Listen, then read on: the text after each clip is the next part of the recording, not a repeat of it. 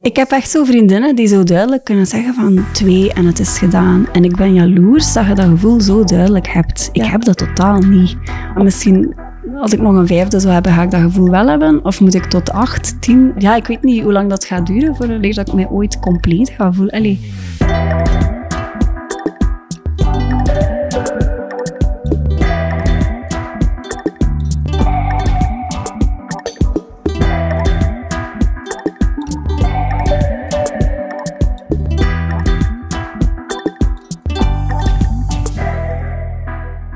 Ik ben Sarah, ik ben 40 jaar. Ik ben getrouwd met Pieter. Samen hebben wij vier dochters. Roos, Sien, Janne en Lot.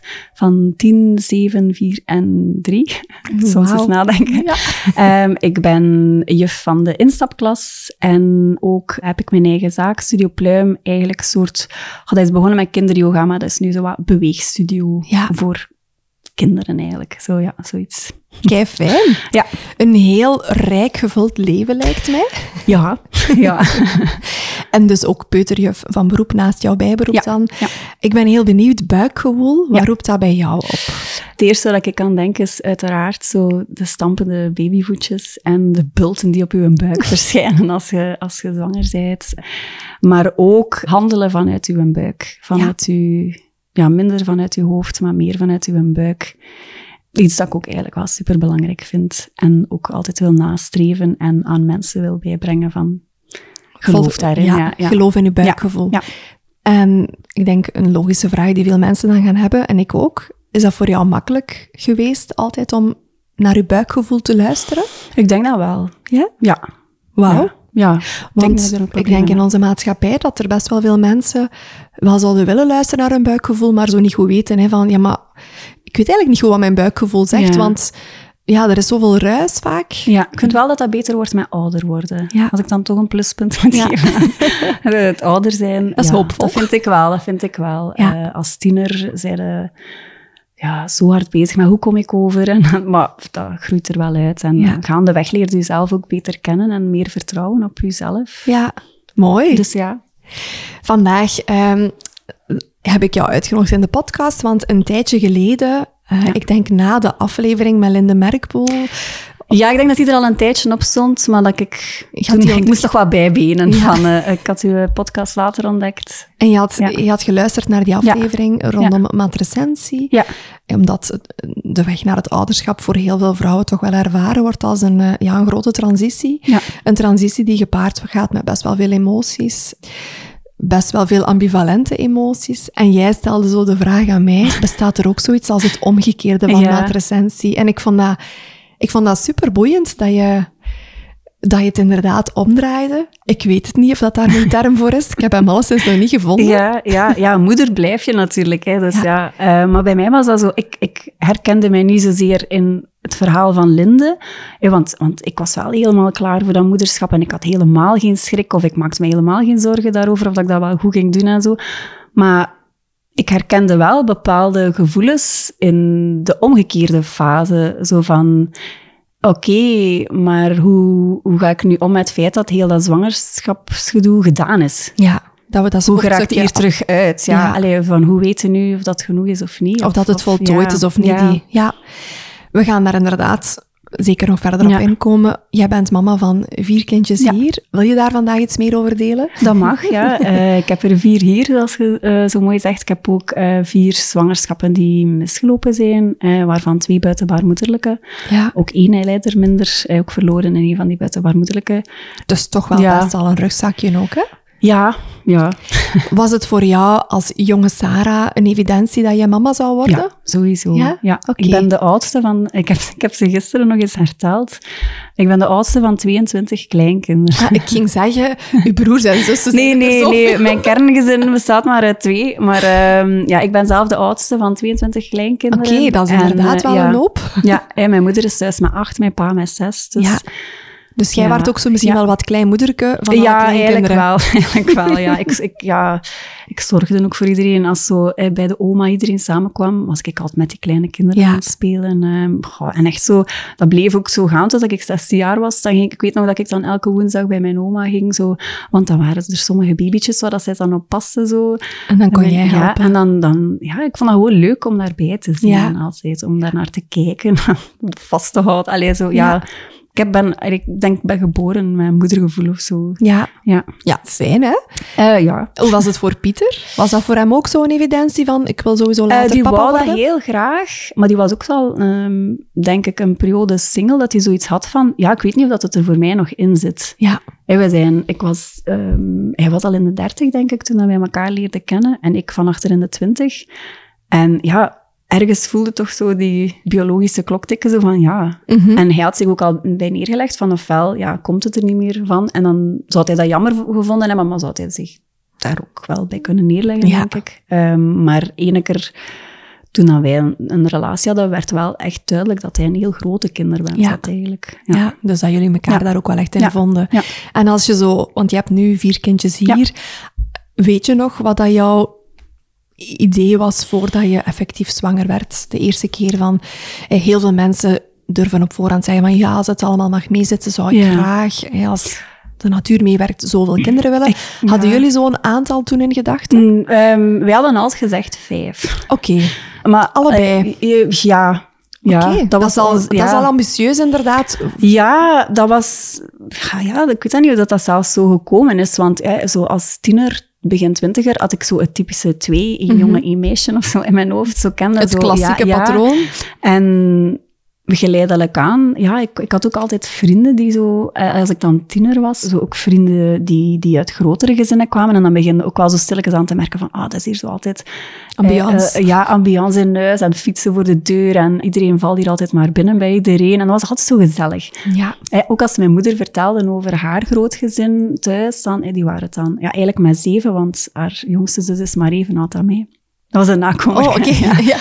Eh, allee, een jaartje ouder zijn wij. En ehm, ja, dat, die gezelligheid, dat bleef altijd bij mij. Dus ik had iets van, ah ja, een groot gezin, dat ziet er Ja. gewoon keigezellig uit. Dus dat was altijd hetgene dat ik onthouden heb uit gesprekken van mensen die in een groot gezin opgroeiden of die een groot gezin hadden. Die gezelligheid. ja. Ja. En in het begin, als ik dan als kleuterjuf werkte ook, zo'n troep kinderen, ja, dat is gewoon gezellig. En ik zag mij dan zo boterhammen met choco smeren aan een grote tafel. Ja. Zo. Allee, zo dat beeld. Ja, zo, ja. Zo, misschien heel cliché en romantisch, maar ja, dat is wel zo. ja. Dus het is er wel, het bestaat. Ja, Wauw. ja. Was het voor jullie dan een grote stap om effectief in de relatie te beslissen van oké, nu is er een kindje welkom, nu gaan we ervoor? Eh, ja, dat was eigenlijk heel snel, maar het is sowieso bij mij en Pieter heel snel gegaan. Wij waren elf maanden samen toen dat wij verloofd waren. Eh, en een jaar daarna getrouwd. En een maand na onze trouw was ik zwanger. Ja, maar ja, als het goed zit, Eh, ja, het goed. hè? ja dat, dat ging eigenlijk allemaal zo vlot. Mhm. Ook het feit, ik was van achter in de twintig, hij vooraan in de dertig. Ja, dan maakte gewoon, je hebt alle twee al wat levenservaring. Ja, klopt. En zeker als je dan ook, denk ik, de ambitie hebt voor een groot gezin, Ja. Is het misschien Ja. inderdaad langs de kant Maar ik denk wel- niet dat wij er... Allee, dat, ik denk dat het ook eerder zo was van, oh ja, we zien wel hoe het komt. Het was niet zo van, kom aan, we, moeten, we staan hier op klok, we moeten hier eh, vijf, eh, Vijf de- kinderen, vijf fabriceren eh, binnen een bepaalde tijd. Maar dat was gewoon zo van, ja, we beginnen met eentje en we zien wel, gaat dat vlot. Ja. wij onderweg strubbelingen, dan, dan is het ook zo, maar we zien dat wel. Ja. Wij, wij, waren, wij dachten daar eigenlijk ook gewoon zo niet... Niet heel diep over Niet te na. ver over na. Nee. Ja, dat was zo, het komt zo. Het kwam komt. Ja, organisch. Ja, ja, mooi. ja. Heeft het lang geduurd om zwanger te worden voor jullie eerste Nee, kindje? ik ehm, denk dat ik in februari of zo mijn pil had gestopt. In mei zijn we dan getrouwd en in juni was ik zwanger. Oké, Dus wauw. ja, ja. En wat was het eerste dat bij jou opkwam als je zwanger was? Als jij door had of als je die test zag die positief was? Ehm, dolgelukkig. Ja? Ja, echt geluk. Wij stonden daar zo echt met twee, zo ja, te huilen. Oh. Van gewoon zo gewoon, zo van, oh my god. En in je hoofd is dat direct zo, ja, een kind. Ja. Hè, want daar ik het soms wel zo wat moeilijk mee in heel de abortusdiscussie soms. Hè, van het zijn maar een paar cellen. Nee, in mijn hoofd... Mhm. Was dat echt wel al een kindje? hoofd was dat Ja. direct een kind. Ja. Sowieso. En Ja. die eerste zwangerschap? Heel goed. Nooit misselijk geweest. Ja, het duurde heel lang voordat ik een buik had. Dat vind ik wel kei jammer. Ehm, En ach, ik weet dat ik echt zo met zo'n holle rug liep van hallo, ik ben zwanger. Ja, zie, zie mijn ja. buik. Ja, en, maar ik denk echt dat ik dat uit elke porie straalde of zo van look at me, I'm pregnant. Allee, zo Ja. echt zo. Ik was... Ik voelde me echt op mijn best. En ik heb dat vaak gedacht. Je hebt zo je tienerperiode en je twintiger dingen waar je zo wat eh, door jezelf op- eh, op zoek gaat en zoeken wie, dat, wie dat je bent. En bij mij was dat zo van, oké, dit is het. Het laatste Ja. puzzelstukje in mijn zijn is, was duidelijk dit. Het klopt Ja, echt. ja, ik voelde mij mega vrouwelijk, mega compleet, super aantrekkelijk. Wauw. Eh, ja, dat echt. Ja. Leuk voor jou. Misschien even voor de luisteraars, dat kan dus ook. ja, ja We hebben al heel veel verhalen gebracht van vrouwen die misschien niet zo fijn vonden om zwanger te zijn. En allee, als ik het zo hoor, leek jij toch echt wel overwegend op een roze wolk ja, te ja, zitten. ja, zeker, zeker. Ja. Dat is super fijn, maar ja, dat is iets wat dat je ja, moet een stukje chance mee hebben. Hè. Je kunt wel Ja. een verwachting hebben, Ja, maar het kan waar, uiteindelijk, ja. je weet niet wat die hormonen Ja. met jou gaan doen, Ja. wat dat, Nee. dat bij jou teweeg brengt. Dus als je dat niet voelt, Ja. is het niet dat jouw schuld treft, Nee, dat overkomt jou, nee, maar wel fijn voor jou, Ja, Sarah, dat dat voor u zo fijn was. Ja. Ik vond dat ook wel soms moeilijk hoor, om dat zo te vertellen. eh, want eh, ik had dan ook een vriendin die dan hyperemedisch had gehad. En dan zit ik daar zo te blinken. eh, allee, of, of iemand die dan een tweelingzwangerschap had op hetzelfde moment aan mij, die dat wel moeilijk... Allee, Die het zwaar had. ja, ja, of toch zwaarder. Ehm, ja, zo dat. En had jij het gevoel van, wat ik hier nu voel, mag dan eigenlijk niet uitgesproken worden? Want ik dat ga- was zo de periode ook dat er meer en meer aandacht ook begon te komen voor de grijze wolk. Ja. En ik voelde mij soms te enthousiast en ik werd daar soms ook misschien wat... Maar dat was zeker... Dat was vooral toen de baby's geboren werden. Zo, En je werd daar soms wat soms wel op afgerekend dat Ja. ik zo op een te roze wolk... Dat het niet kon, dat het allemaal zo, Ja, zo roze was. maar voor jou was het wel effectief Tuurlijk, zo. ja. ja. Ik, heb, ja ik, ik kon mij dat niet inbeelden dat dat ook anders kon. Ook kortzichtig van mij soms. Hè, want je had in je omgeving wel gezien van... Oké, er zijn Ja, inderdaad ja, ja. vriendinnen die helemaal niet blij zwanger zijn. Of, Of, of die echt ja, mega misselijk zijn. Of, of die, ja, die gewoon echt niet graag zwanger zijn. Of, of die Of- een zeer lastige, moeilijke bevalling hadden. ehm. maar voor jou was het eigenlijk een fijne periode. de ja, ja, ik vond dat heerlijk. Ik had ook negen maanden geen migraine. Zalig, ja. Dat was zalig, ja. Ja. Maar oh ja, ik vond dat gewoon, ja... Ik voelde mij echt compleet. ja. Dat was zo, ja, mooi. ja, ja. Ik kan dat niet uitleggen. Ik word gewoon al vrolijk van. Ja, ik het. Je bent hier aan het stralen achter de micro. Ja. Je hebt zo vrouwen. Het, Ja, zijn, eh, ja. het, het zijn de uitzonderingen, Ja, en maar ik het kan. weet dat ik mijn bolletjes mag kussen. Hè, dat ik Oh, zo, zo goede zwangerschappen heb gehad. Allee, ja, degene die dan zijn mogen doorgaan. Ik weet wel dat ik daar geluk mee heb, maar ja. Ja, fijn voor jou, hè? Ja. Wat was jullie idee voor die eerste bevalling? Ehm, ik denk nog redelijk klassiek. Hè. Je weet zo nog niet hoe we weg daarin. Maar ja, hier en daar had ik wel eens gehoord van een thuisbevalling, maar bij een eerste durfde ik dat echt nog niet. ehm. wij gingen toen ook naar zo'n klein ja, ziekenhuisje bij ons in de buurt, met zo'n kleine materniteit. Een van die mama's zat ook met mij in een Facebookgroepje, die was ook zwanger op hetzelfde moment aan mij, waardoor ik wel zo wat achtergrond Ja. kreeg over de materniteit. En ik voelde mij daar ook helemaal thuis. Ook al die onderzoeken en al, dat gebeurde daar. Dat was op fietsafstand van mijn huis. Dat was, Ja. eigenlijk- allee, dat was, Heel evident. ja, heel dat was ook wel zo'n huiselijke, gezellige sfeer die Ja. daarin... ehm, En je had een gynaecoloog onder de arm genomen in die eerste wel, zwangerschap van Roos. ook gewoon... Ja, Omdat dat klassiek is vaak, hè? Ja. Had je al gehoord van een vroedvrouw die je ook kan... Ja, en zo doula en al, ja, Ja? dat heb ik wel allemaal al gehoord. Ja. Maar ja, Maar dat was nog Ja, niet iets wat daar nee. jouw interesse echt... Nee, en ik las daar wel iets over. En er zaten ook, ja, ik weet niet, of niet dat ik haar naam mag zeggen, maar Lieve van Weddingen, die zat toen ook bij mij in een van die moedergroepjes. Ook rond de periode dat zij Jules verloren is. En die was wel zo alternatiever. Dus en ik hoorde dat super graag, zo alternatievere versies. Van zo kan het ook. Maar bij dat eerste was ik toch zo precies zo nog wat van, ja nee, doe maar het, het, het vertrouwde, klassieke, klassieke. vertrouwde, ja. Alhoewel dat ik ook wel mondig genoeg ben om mijn strepen te stellen. of dingen in vraag ja, te stellen Ja, dat wel, ja. dat wel. En ik dacht van, ja, dat gaat wel mogen. En hoe was het voor Pieter? Wat was zijn idee voor die eerste bevalling? ik denk dat dat zo hetzelfde was. Die volgde mij vooral gewoon. Ja. Ik denk niet dat, allee, ik denk dat hij ook wel zo wat voelde van, het is, allee, ik moet hier niet de, de dingen, de, De regels ja. maken. En, Of en de zeggen, advocaat ja, zijn van Sarah. Ja, Sarah nee. gaat ook wel voor Ik denk dat hij echt, als ik toen al had gezegd van ik wil een thuisbevalling, dat dat ook oké was Ja. Oké, ik denk dat hij vooral iets had van, ja, ik, Ik volg jou. dat jij ook, allee, jij bent degene dat moet bevallen. Eh, Ja. ja. En wat waren jouw wensen voor die eerste bevalling? Want het was dus een geplande ziekenhuis. Ik wou, ja, ik wou wel natuurlijk... Ik had wel al in mijn hoofd van, goh ja, als ik een epidurale kan vermijden. Ik wil allee, echt zo voelen. Ik weet dat dat misschien wel onnozel klinkt voor sommige mensen. En sommige mensen snappen dat niet en die denken van ja, als er pijnstelling is, waarom mhm. zou ik dat niet nemen? Ik neem ook dat van gaan als ik hoofdpijn heb. Dus waarom dat ik toen zo op die epidurale gefocust was, ik weet dat niet. Maar ja, dat was, ja, dat was een stortbevalling. Oké.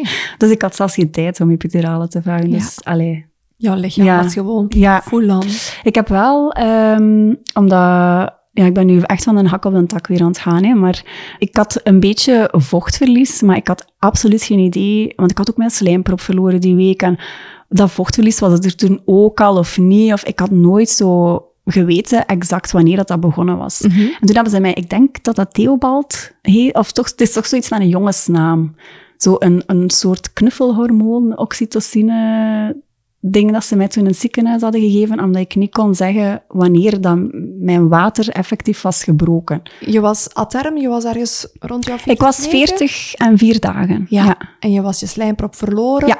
had een klein beetje meer vochtverlies. Ja. Je bent toen naar het ziekenhuis gegaan op controle. Ja, ja omdat ik zoiets had van, ik bleef maar vocht verliezen en... Uh, ja, wij wisten echt van niks. Ja, gelezen dan zo in de boekjes van dat moet ruiken naar... Eh, dat heeft een zoete vanillegeur. Stonden wij daar met twee aan mijn onderbroek te ruiken, wisten wij veel. Uh, van ja, wij waren echt zo twee onzekere mensen bij elkaar. Van oei, wat moeten we... Maar echt, dat moet echt zo'n grappig beeld geweest zijn. En Pieter zei maar ja, ga gewoon naar het ziekenhuis en dan weet het. Dan laten we het controleren. Want ik dacht van ja, dat is waarschijnlijk gewoon urine. Ik ben hier waarschijnlijk gewoon de controle over mijn blaas kwijt. maar het was vruchtwater. Het was echt vruchtwater. En toen hebben ze extra medicatie aangehangen om het wel in gang te brengen? Ja, omdat ik niet duidelijk kon zeggen wanneer dat, dat begonnen was. Want ik, had dan die, vlucht, die, die, die vruchtprop, die slijmprop. En ja, daar, daar kwam sowieso altijd al van alles slijm en, en van alles. De laatste ja, drie, vier dagen was dat toen. Dus ik, ik kon echt niet aanduiden van wanneer is dat vocht wat vermeerd is. Maar, maar toen op dat moment had ik wel door van oké, het is tien uur s morgens. Ik zit hier al aan mijn derde kletsnat inleg, ja. inlegkruisje. Wat is dit? Ja.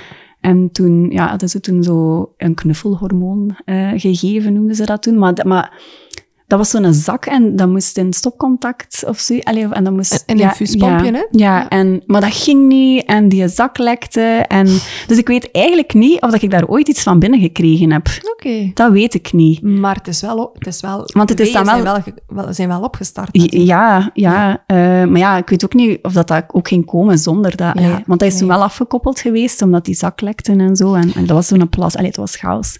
Dat hoort er een beetje nog bij, bij mijn leven. En... Uh, ik weet dat ik naar het toilet moest en ik kwam terug en in één keer kreeg ik zo een kramp. Ik ja. direct een bericht aan mijn moeder. Joepie, ik heb mijn eerste wee gehad. En ik herkende dat, want wij waren uh, al op reis geweest naar Denemarken en ik heb dan een keer echt nadat wij superveel gewandeld hadden, zo'n keer echt op bed gelegen van... Harde buiken. Ja, wat is ja. deze hier? En ik ben hier aan bevallen. En, en dan was ah ja, dus dat gevoel, ik herken het. Dat zal wel een wee zijn. En nog voordat ik dat kon uitspreken, was ah, nog één, ah, nog één, ah, nog één. Dus en, het was echt en, bam. En dan zei die Pieter zo ja, schat, dat gaat toch wel zo nog een uur of tien. Wat dat je gemiddeld verwacht bij een Ja, dat werd mij ook verteld. Hè, zo van, ja, hey, installeer maar. Ja, misschien het is het nog voor vandaag. Nee, ja, en dan ben ik op, ik denk, 50 minuten van 3 naar 10 centimeter Oké, okay, wauw. Ik ben aan het denken, zouden ze jou... En je bent naar het ziekenhuis gegaan om dan te laten vaststellen van, ja, ja. vochtverlies, wat is dat? Ik veronderstel dat ze ook een vaginaal onderzoek gedaan hebben bij jou. Hebben ze jou gestript? Dat weet ik niet. Ja. Ik denk dat, ik kan me niet herinneren, er is gewoon gevoeld geweest van hoeveel centimeter ik had, maar ik heb niet het gevoel dat daar extra aan aangekoterd is. Nee. nee dat en kan, ja, de vliezen dan verder kunstmatig gebroken? Stel dat het een kleine vlies nee, was. Nee, dat weet ik echt niet meer. Alleszins. Ja, ik herinner het mij toch niet. Ja. Jouw lichaam heeft duidelijk wel een signaal gekregen van go time. Ja. Want als je dan plots de ene wee naar de andere Ja, dat was echt. En, en dan vraag ik mij soms af van, heeft een ander ook zoveel intensiteit van pijn? Of is dat iemand die bijvoorbeeld 17 uur aan bevallen is? Of is, dat meer, die pijn wat meer gespreid? Maar dat, ja, je kunt pijn niet meten. Hè. Je dat, kunt dat, het niet meten en je kunt het niet ja, vergelijken. Ja. Nee, nee. Want ik weet nog dat ik dacht van... Oh my god, ik ben echt een mietje. Want ik wist dat ik een hoge pijngrens had. Maar ik dacht van, deze is toch wel heel serieus. Had je het gevoel dat er tussen twee contracties in, dat er een pauze was? Nee. Nee. nee. Het was echt, echt een na de ja. andere. Dat noemen we inderdaad een weerstorm. Ja, want ik had mijn onderbroek nog aan en in één keer steek ik mijn been in de lucht en die Pieter zegt, maar wat steek jij uit? En ik roep. in één keer komt er uit het diepst van mijn lichaam zo een brul dat ik totaal niet kon tegenhouden. Die twee vroedvrouwen, die vliegen echt alle twee tegelijk door die klapdeur die baby die komt er al aan, of wat? Zegt ja. een plat Antwerps. ja, en toen was het hoofdje aan het komen. Ik had mijn onderbroek nog aan. Die werd zo in allerijl afgetrokken. Die bleef zo bengelen aan mijn rechtervoet. Die beugels werden gezet. Oh, ik kon dat niet in die beugels. Dat ging mij echt niet af met die beugels. Maar ja, ik, ik, ik was zo overmeesterd ook door wat er allemaal aan het door gebeuren was. Van, fuck, ik, ik mag hier al persen of wat? Allee, wat is dat hier? Oei, ik ja. wat? Uh, ja, want ik denk dan vooral emotioneel. Ja, ja, ja. Het is fysiek een heel lastige, maar emotioneel ook om bij te benen. Hè, als het ja, ik had geen schrik, denk ik. Zo ik was gewoon zo van, zo verbaasd. Ja. Zo van, hoe, wat? Ik ging hier zo wat mijn gemak komen ween hebben en, en maar nu is het er al. Ja. ja. En ik, ik, dat heeft wel even geduurd. Ik kon mij geen houding geven om, om en ik was heel hard aan het roepen. En ik zat echt zo in mijn kokon, maar ik hoorde zo constant lawaai op de achtergrond, maar dat was ik blijkbaar zelf. Ja. Maar ik had dat op dat moment niet door dat ik degene was die zo aan het brullen was. Ja. Want ik zat echt in mijn wereldje, met ogen dicht. En gevoel zo van alles gehoord. Van, ik hoorde dan zo ergens het woord stortbevalling vallen. En dan dacht ik van, ja, daar heb ik wel ergens in de verte... Oh, dat wil zeggen dat hij er al aankomt. Zo. Ja. Maar ik was gewoon in mijn hoofd. Ik zat echt in mijn hoofd. Ik lag precies helemaal alleen in die... Ehm, in, die, verloskamer. Ik was echt, was echt gewoon ik en mijn lichaam. En dan voelde ik in één keer, uh, want daarvoor was het altijd zacht geweest tussen mijn benen. En in één keer voelde ik zo een ruwer paar handen en dacht, ah ja, de gynaecoloog is daar. Ja. Ik ben toen ook gescheurd en geknipt. Ik was spontaan gescheurd en dan is denk ik, of nee, ik was al geknipt en dan is het nog verder gescheurd in zo echt zo'n winkelaak. Omdat het gewoon, die schoot daaruit ja. met koppen. Fetale ejectiereflex. Ja, echt, echt ja, en die was al aan het wenen, terwijl het die benen er nog in zaten. Dat was heel raar. En, die was er echt klaar voor. En de gynaecoloog zei van, kijk, doe die ogen open, dan kan je ze zien. En die gaf die mij, en die, dat waren zo echt, die keek zo naar mij. Die, van, wie zei jij? En ik zo naar haar van, oh my god. Wat is er gebeurd? Ja, want allee, ik weet dat zo tijdens die bevalling, een van die vroedvrouwen, die was altijd zo aan het kirren, zo van, uh, oh my god, die heeft kei veel blond haar en dat zien wij niet veel. En blonde babytjes hebben meestal echt niet veel haar. Nee, klopt. En die heeft echt zo'n bos. En ik had zoiets van, no way dat jij mijn kind hier voor mij gaat zien. Ja. Ik vond dat, en dat was wel echt een motivator om zo door te persen. Ja. Zo, uh, ja. ja. Wow. Ja, ja een stortbevalling, kunnen we dan toch wel concluderen. Ja. Amai, dat was jouw eerste ervaring. Dat was mijn eerste. En uiteindelijk heeft dat van eerste wee tot eerste ween 1 uur 45 geduurd. Amai, ja. dat is echt extreem vlot. Ja. Wow. Dus ik weet niet of dat... Allee, ik durf het niet allemaal steken op die medicatie. Allee, of wat is dat, dat infuus dat ik toen gekregen heb. want wij weten ook niet hoeveel dat ik daar uiteindelijk van, heb binnen gekregen. Ehm, maar ik denk dat we wel kunnen concluderen dat jouw lichaam zelf op het randje zat om al dan niet ja, in gang te schieten. En dan misschien inderdaad dat ene zetje ja, een hele grote zet bleek te zijn. Ja. En, ja, dat was... Hoe was dat voor Pieter? Want ik kan me wel voorstellen, als vrouw, ja, je kunt niet anders dan ondergaan, denk ik. Ja, neemt u over. Ik denk dat hij ook gewoon zo erbij stond en er naar keek. Ja. Heb je dat er nadien met hem over kunnen hebben van, wow. Ja, maar ja, dat was gewoon zo van, amai, hè. dat was nogal eens... Uh, amai, wie had dat verwacht dat dat zo snel ging zijn? Zo, helemaal niet. Ik had ook niet de nood. Allee, ik vertel wel sowieso graag mijn verhaal, maar ik had ook niet de nood van, ik moet hier iets verwerken of zo. Nee, totaal ik moet daar nog eens doorpraten met de vroedvrouw, die gynaecoloog die er dan bij was. Nee, oké. ja, fijn voor jou. Had je op voorhand nagedacht over de voedingskeuze van uh, jouw dochter? Ja, ik wou heel graag borstvoeding proberen. En uh, ik denk dat ze al aan de borst lag, terwijl ik nog genaaid werd of zo. Ja, in het eerste uurtje. ja. Ja, en dat ging eigenlijk direct vlot. Er is ook wel, denk ik, toen een lactatiedeskundige een keer gekomen, zo voor te checken of ze wel goed aanhapte. Die heeft mij zo nog wat tips gegeven. Maar eigenlijk ging dat heel vlot. Ja, ja. fijn. Ja. Ja. Ben je lang in het ziekenhuis gebleven toen met Roos? Uh, ja, want ik had dan een, allez, langer dan voorzien. Ik had een ontsteking gekregen op mijn knip. Ja, oh. ja ik, ik vergeet nooit dat hij zo... Dus dat was zo de, een winkelhaak en dat hoekje was opengekomen en beginnen ontsteken.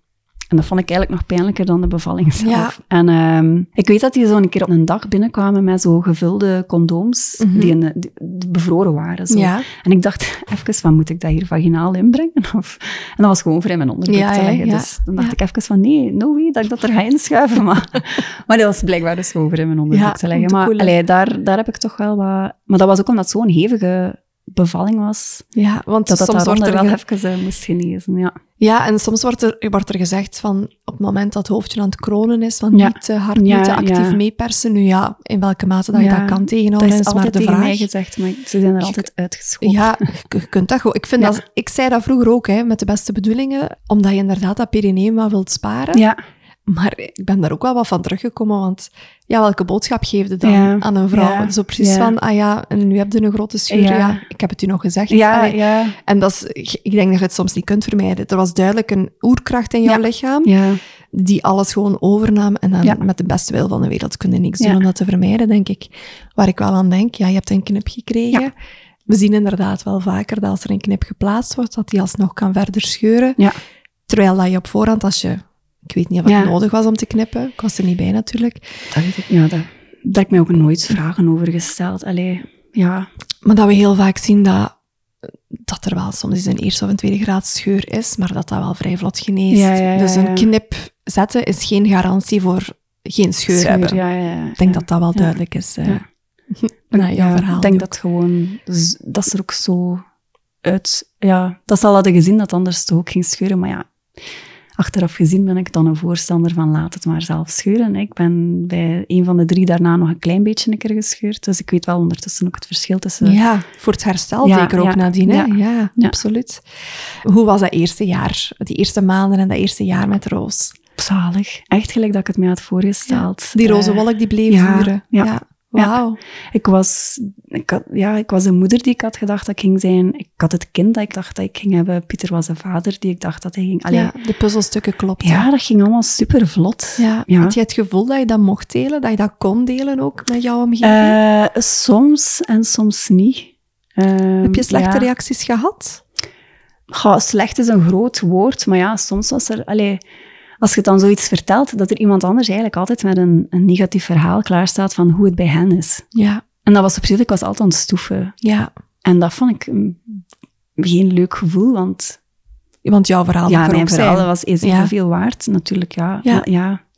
Je moet eigenlijk altijd zo aan een stap opzij zetten voor mensen die het allemaal iets lastiger en zwaarder hebben. En dat vind ik wel, dat de laatste... Het is goed dat daar aandacht voor is, maar het is de laatste tijd... Slaat misschien is wat het, door Is het denk ik wat, wat, wat, wat meer dat er de negatieve kanten ook allemaal belicht worden. Ja. En zijde bijna een uitzondering als je op een knalroze suikerspinnenwolk zit, denk Ja. ik. Ja. Ik zeg dat met de grootste voorzichtigheid. Ja, ik, ik echt niet, maar ik heb het er juist ook al gezegd. Ja, je wil niemand schofferen ik- ja, en dat is lastig. Ik ben daar zo voorzichtig door geworden, net omdat ik zo vaak op mijn plaats gezet geweest ben van... Ja, maar ja, en bij u dat, en bij mij dat, maar bij u dat. En dan, maar Mhm. bij mij ging het zo. En ja... Maar jouw verhaal mag er evenzeer zijn. Ah ja, ja, tuurlijk, en uw tuurlijk. Ervaring zou evenzeer Ja. gedeeld mogen worden en uitgesproken mogen worden. Zoals dat je zelf zegt. Met de grootste voorzichtigheid doe je dat al automatisch, omdat je andere mensen niet extra wil kwetsen of schofferen. Ik heb dat wel aldoende moeten leren. zeg. Ja, ik kan me dat wel voorstellen. Ja, maar ik denk ook vooral, ja, je zou het ook iedereen gunnen dat het Ja. zo fijn en mooi Ja, mag ja, lopen. tuurlijk, Ja. tuurlijk, ja. En ik denk, als ik dan zo zelf terugga naar zo die pittige, woelige jaren, Ja. ik denk dat ik op dat moment dat keihard ook zou gunnen. Stel nu dat jij een vriendin zou zijn van Ah, mij, maar dat ik dan wel zou kunnen redeneren, kei tof voor u, maar ik gun dat mezelf ook. En dat is Ja, jammer dat dat niet is. Maar bon, goed Soms voor jou. krijg je dan zo wel van die giftige reacties. Hè. Zo van, Ja. ja. mensen die wel een traumatische bevalling hadden, mensen die een huilbaby hebben, of een slechte neter, of dat de borstvoeding helemaal niet lukt. En, en dat vind ik soms zo erg aan vrouwen. Die Ja. kunnen ze echt venijnig Ja, zijn. ja, ja, dat is waar. Ehm, en zo ook zeker, dat was toen ook online in die moedergroepjes. Ja, dan komt alles ook nog eens. Ja, en ik denk ook dat de ervaringen die moeilijk verlopen zijn, vaak heb je nadien veel meer die nood om, om, Ja. om alle Ja, details ja, daarover eh, ja. Ja, lang en in het tuurlijk. breed te gaan delen. Ja. Als iets gewoon normaal, vlot verloopt, fijn Ja. verloopt, dan denk ik dat ook minder mensen online op voorraad dat misschien Ja. gaan delen. Ja. Minder misschien de behoefte voelen. Of inderdaad misschien een stukje voelen van, maar voor mijn verhaal mag hier nu geen ruimte ingenomen worden, want ik wil niet die andere verhalen overschaduwen. Ja. En ik denk dat dat evenzeer buikgevoel met zich meebrengt. Ja, ja, ja. Maar dat is dan zo precies of, of je hebt minder goed je best moeten doen. Want ja, op een uur en 45 was Ja. ik er vanaf. Allee, zo, snap je? Allee, zo. ja, ja. ja, ja. Wat weet ik nu van bevallen? Allee, ze hebben wel 17, 18 uur. Zo, dat vond ik soms wel Een moeilijk. lastige. Ja, snap ik. Ehm, dus daarom dat ik ook zo benieuwd ben van, ja, hebben wij een andere intensiteit in pijn als je dan zo'n stortbevalling hebt? Hey, want mijn andere kinderen zijn ook... Ik denk, Vlot, mijn langste bevalling was vier uur. Ja, En dat vond ik al lang. we gaan er ja. op komen. ja, ja. Dus, allee... Ik denk wel dat er sowieso luisteraars gaan zijn die zich ook gaan herkennen in Ja, ja, ja. Je bent daar niet Ja. alleen in, ze. maar net zozeer kan het wel heel eenzaam zijn, denk ik. Net daarom vond ik ook wel belangrijk om jouw verhaal te delen. ja, ja. We willen het hele spectrum aan ervaringen aan bod brengen. Ja.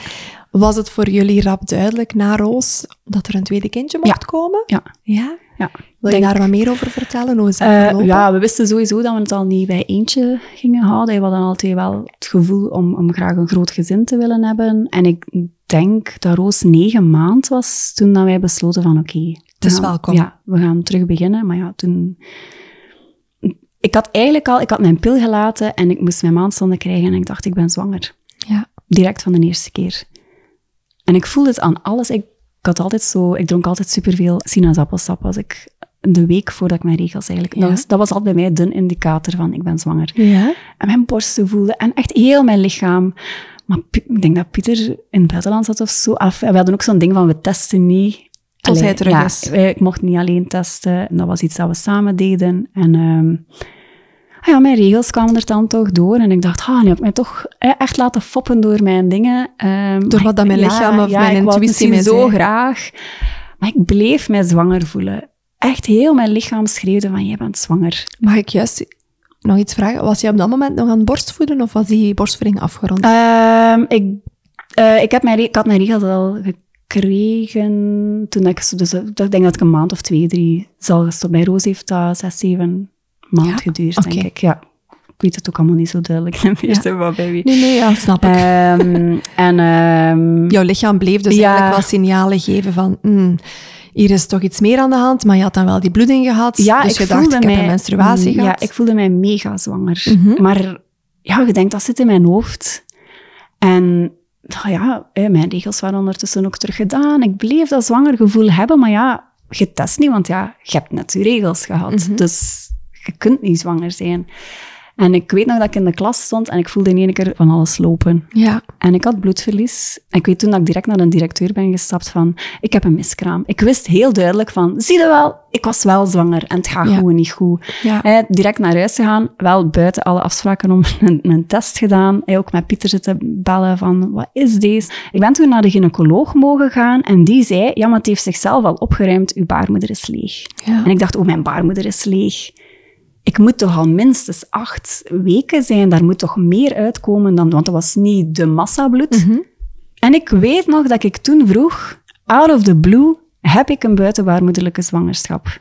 Was dat iets waar dat je dan ooit al van gehoord Ik denk had? of? het. Maar in, dat kwam in mij op. Ja. En ik denk, misschien had ik dat ook al gegoogeld, maar dat ik ze zo zwanger voelde en dat ik toch mijn regels had gekregen, Mhm. heb ik dat misschien...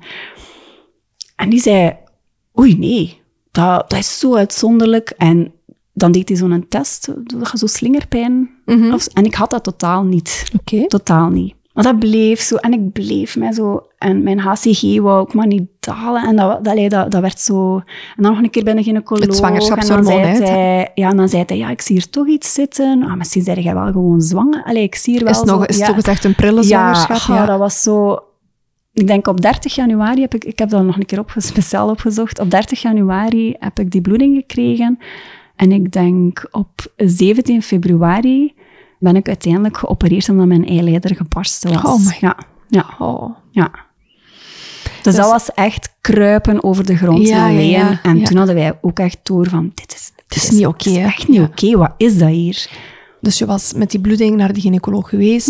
Baarmoeder leek leeg te zijn. Dus de gynaecoloog dacht, oké, het was een prille zwangerschap. Jouw lichaam heeft het zelf opgelost. Opgeruimd, en het is al, je bent het al verloren, het, Ja. het vruchtje. Jij dacht, jij voelde van, mm, Ja. klopt hier toch niet? Je hebt het zelfs durven vragen. Je bent nog eens terug geweest naar de gynaecoloog. Mm, Ja, meerdere Voor keren. Ja. ik meerdere werd echt keren? opgevolgd, want dat, dat bleef zoiets raar. Ja. En dan ineens ja. die eileider gebarsten. Ja. Een buitenbaarmoederlijke zwangerschap, misschien interessant voor de luisteraars, dat is een zwangerschap waarbij het embryootje zich in plaats van in het baarmoederslijmvlies in te nestelen, zich in de eileider nestelt. En soms is dat echografisch vast te stellen door een verdikking in die eileider, maar het is niet altijd goed visualiseerbaar gaat vaak gepaard met pijn. Ja. Vandaar die slingertest dat je zegt. Ja, dat had ik echt niet. Dus dat is heel dat is zeer atypisch. was ook het vruchtje zat ook gekanteld naar achter of zo. Dat was al een vruchtje van elf weken. Oh my. Dus dat was echt al ja. al groot. En heel vaak is het dan zo inderdaad als dat vruchtje verder groeit, want dat kan vaak wel in die eerste weken gewoon verder groeien, niet altijd op het ritme of het tempo dat het zou moeten. En daardoor zien we dat dat zwangerschapshormoon, dat je net zegt, dat HCG, dat dat wel wat kwakkelt of dat dat niet goed daalt. Maar op een gegeven moment kan dat ervoor zorgen dat de eileider kan scheuren. Ja. En, en, dat was echt kantje boordje blijkbaar, want ja, je mocht maar een aantal liter bloed in je buikvlies hebben. dat kan gepaard gaan met ontzettend veel bloedverlies inderdaad. Dus um, dan kan het ineens wel heel spoed zijn. Ja, hebben ze gezien van oei, ja... Je was toch zwanger. Ja, ja, Dus eigenlijk, je gevoel klopte al de hele tijd. Ja. Was Pieter toen op dat moment wel in het land? Ja, dat was ook zo Want ja, je wordt dan geopereerd. Want um, ik was me al op bed gaan leggen omdat ik mij echt niet goed voelde. En op een gegeven moment kroop ik echt door de gang van, wij moeten nu naar spoed. Dit is niet oké, ik voel me echt niet goed. En dan was die, onze auto weggetakeld omdat die verkeerd stond oh, geparkeerd. Dus dan zijn wij met een taxi uh, naar het ziekenhuis gegaan. Ja. Ja, dat en was echt, op spoed aangekomen hebben ze dan wel onmiddellijk vastgesteld waarschijnlijk Ja, dat ik denk veel... dat toen ook, ik denk dat dat dan zelfs dat ik niet meteen geopereerd was of zoiets. Eh, ik ben nu ook niet altijd duidelijk wat dat, want ik heb twee buitenbaarmoedelijke, spoiler alert, ik heb er twee gehad. En soms weet ik niet meer goed van welk, want dat is welke ervaring was ja, toen, wat hoorde nu weer bij welke uh, dingen. En toen ben ik via een laparoscopie geopereerd. Ja. Ook dat weer zitten googlen. Ja, maar ja, ik ben zo iemand, ik moet alles weten. Ik heb achteraf ook foto's gekregen van die operatie, mm -hmm. waarbij dat ook heel duidelijk dat vruchtje ziet zitten. Ja. Het was heel confronterend, maar ik had dat wel nodig voor de verwerking. Ja, voor dat stukje ja. te kunnen plaatsen. Een stukje... En ja, toen was ik heel bang van, ja, lab, daar gaat mijn grote kinderwens, hè. Want, ze hebben op dat moment jouw eileider ook weggehaald. Ja, ja die was volledig gebarsten. Volledig gebarsten. De eierstok is wel Die was wel nog intact, ja. ja. En toen heeft mijn gynaecoloog dat eigenlijk super duidelijk en heel lief uitgelegd. Van kijk, op een tekening, je moet je dat eigenlijk een beetje voorstellen als een wereldkaart. Mm een wereldkaart wordt ook breed getekend en zo doen ze dat ook altijd met de tekening van de baarmoeder. Mm Eigenlijk ligt dat super, liggen die twee eileiders en eierstokken super dicht, bij, elkaar. bij elkaar. Klopt. En uw eierstok gaat eitjes gooien naar uw ander. Allee, dat klinkt, dat klinkt zo wat... Ja, uw eileider is mobiel inderdaad. En die kan gewoon fungeren voor de twee eierstokken om het eicelletje op te vangen. Ja, dat klopt. Dus dat stelde mij dan eigenlijk wel echt gerust. Zo... Maar ja, dat was toch wel even zo een knauw in ons. Mhm. Ook gewoon het idee dat uw, uw lichaam niet meer... Allee, dat het ook zo kan zijn. Ja.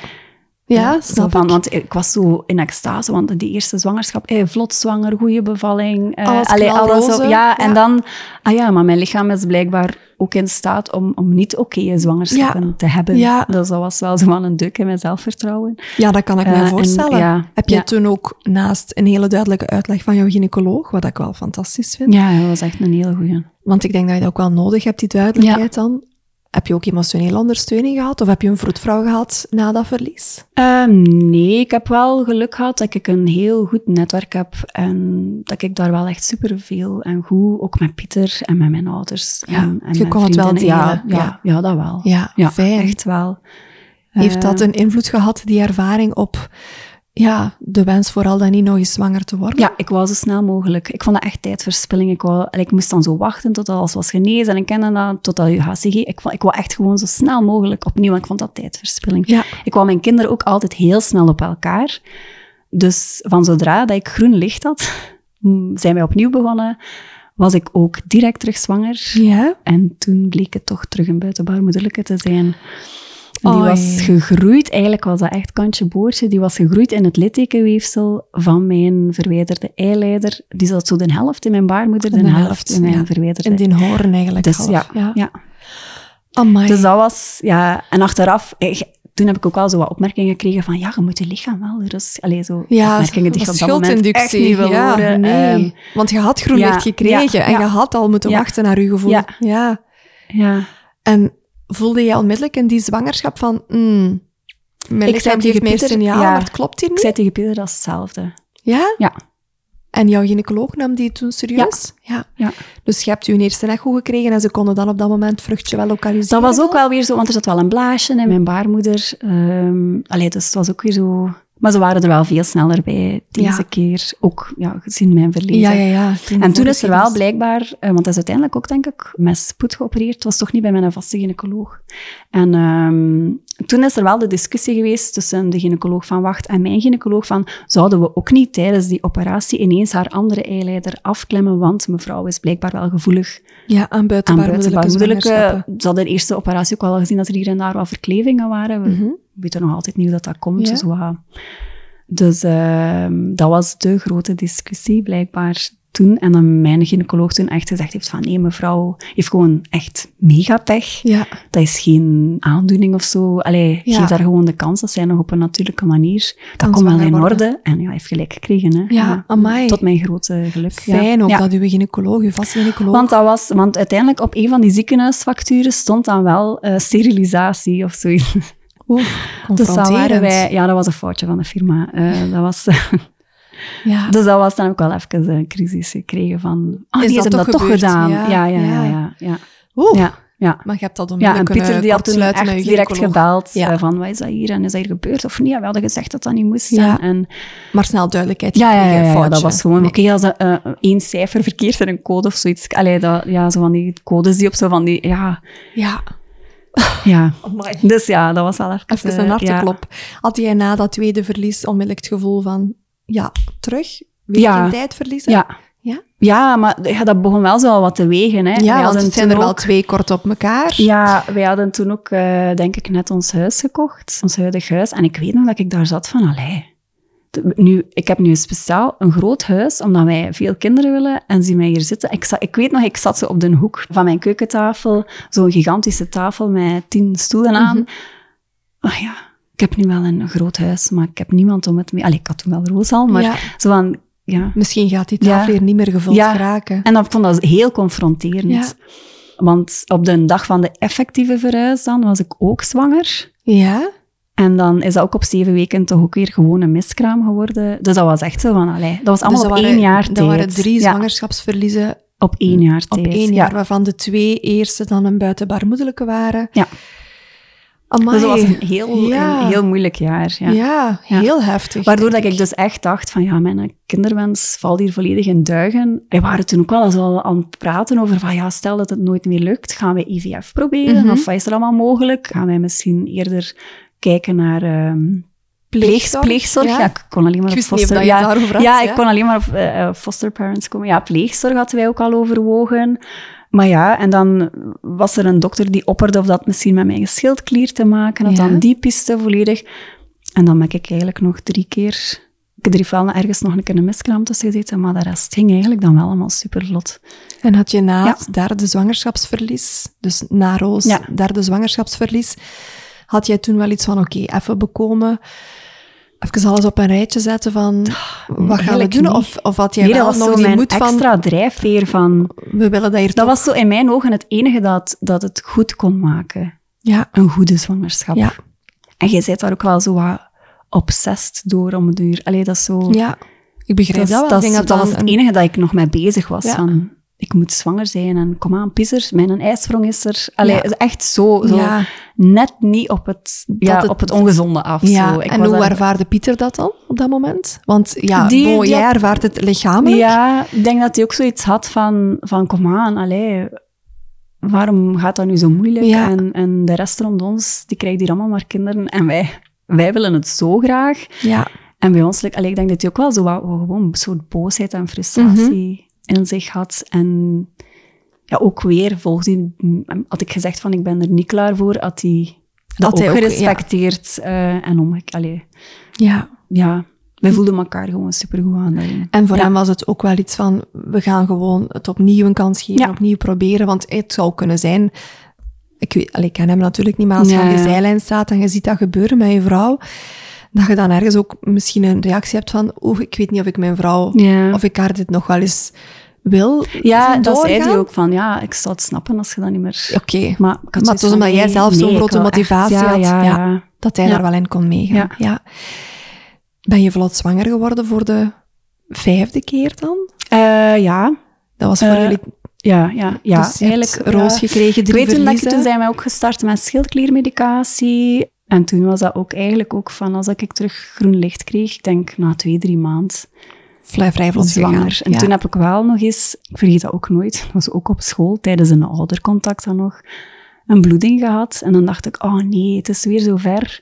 En ik weet dat ik wel zo het promopraatje kreeg eh, op spoed van, eh, ja, dat is nog een jong vruchtje, bereid u maar voor, dat kan gebeuren. En Hm.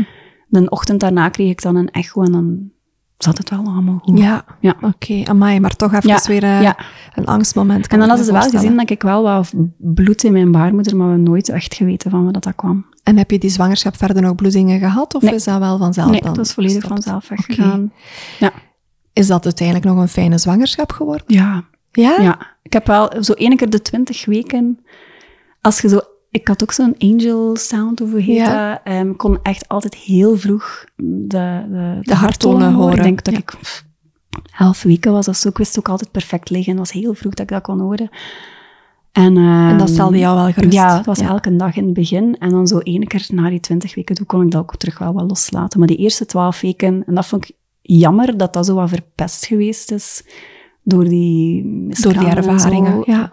Dat ik echt angst had. En onlangs, dat was ook iets heel raar. Eh, Want ik liet ook altijd direct mijn HCG trekken. En, Mhm. ik was er zo obsessief mee bezig van, is het gestegen? En is het ja, juist ja. verdubbeld? En mijn dokter ging daar ook al mee mee, mijn huisdokter en mijn gynaecoloog, die snapten dat ook wel. Maar je hebt zo dat wachtmuziekje aan een telefoon. En onlangs hoorde ik dat zo nog eens per ongeluk. En in één keer kwam heel die, die misselijkheid die daarbij hoorde. Ja. Zo van al die momenten dat ik in spanning zat af te wachten op die, die Die- HCG-dingen.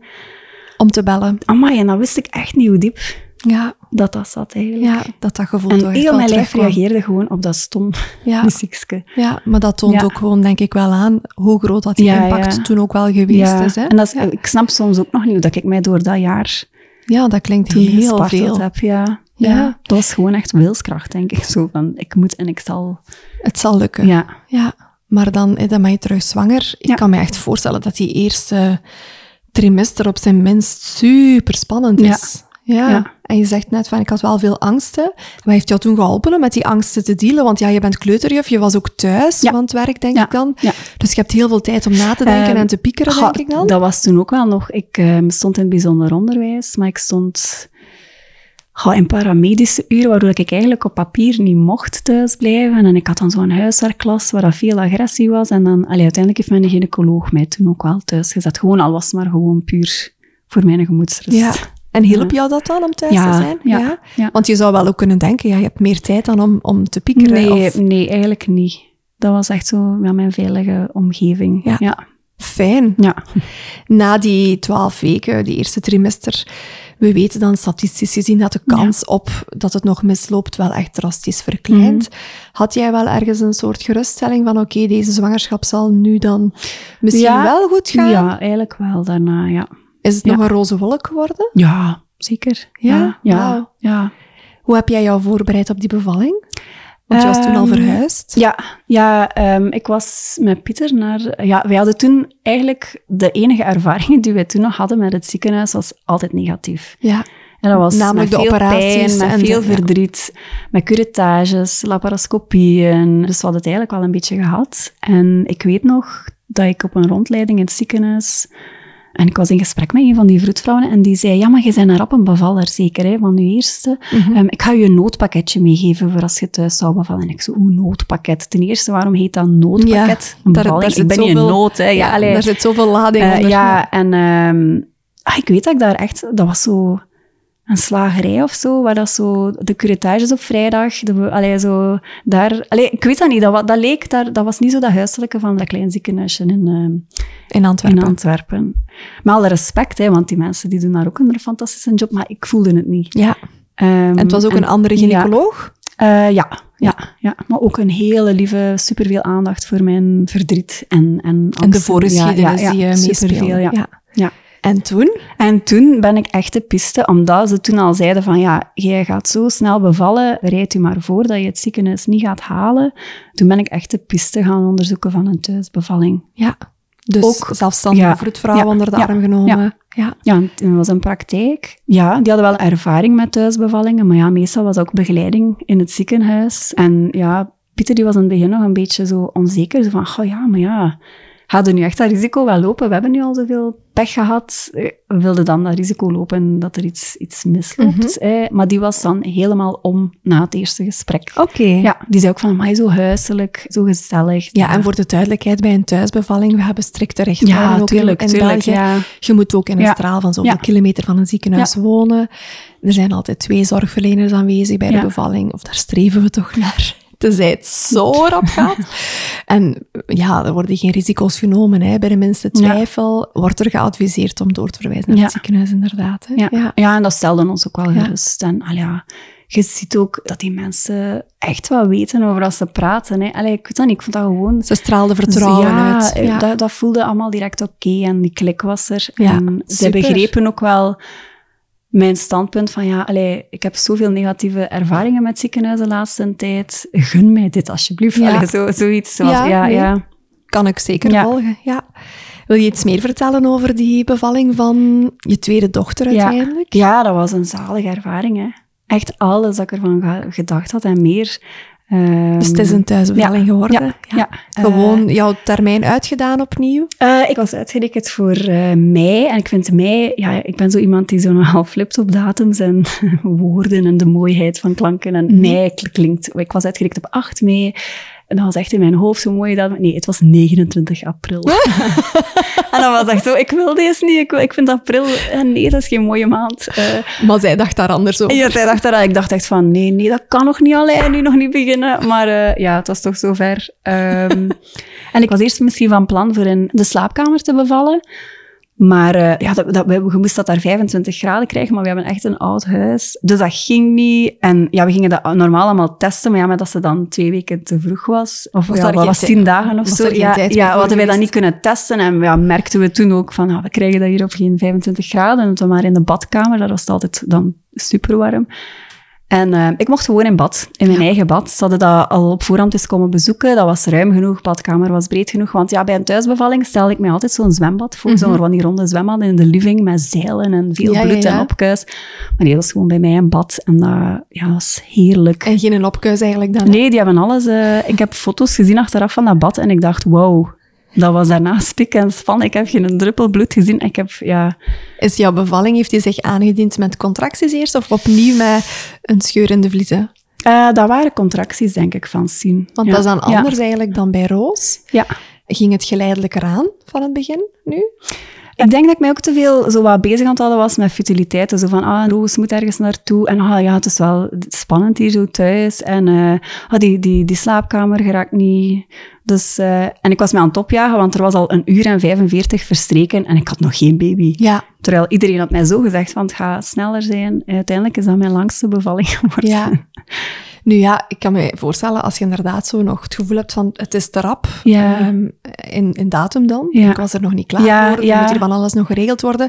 Dan gaan je eigen adrenaline-niveaus ook hoog staan hebben. En die, ja, dat zijn niet de beste vriendjes van de oxytocine nee. op dat moment. Hè. De nee. oxytocine moet kunnen flowen om die Maar zo ene keer als ik dan mijn plaatsje had gevonden en de, de vroedvrouw was één vroedvrouw, die had ik dan ook nog nooit gezien, want ik ging die eigenlijk de dag daarna voor het ontmoeten. eerst ontmoeten. Ja. Hè, dat ik zo Zodat je hele team ja, ja. had gezien, ja.